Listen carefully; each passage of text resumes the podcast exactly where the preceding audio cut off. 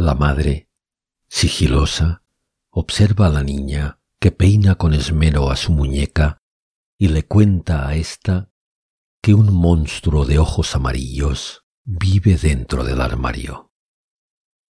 La mujer entorna con cuidado la puerta de la habitación y vuelve al salón.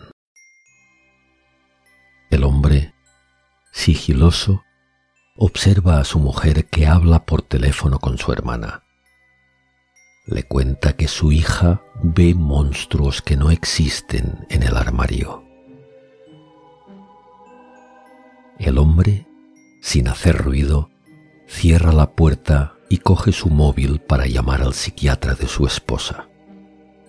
Le cuenta que ésta vuelve a ver a una hija que no existe dentro de la habitación de invitados. El psiquiatra, sin interrumpirlo, con sigilo, anota en su cuaderno que su paciente vuelve a hablar de una esposa inexistente.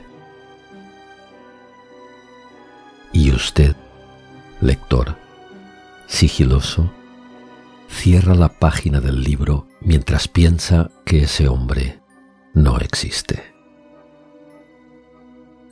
Y yo, a sus espaldas, sigiloso, lo observo a usted.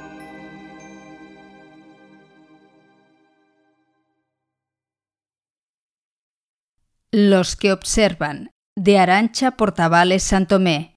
Microrrelato ganador del concurso de microrrelatos de la Biblioteca Esteve Paluzzi de Barberà del de noviembre de 2020.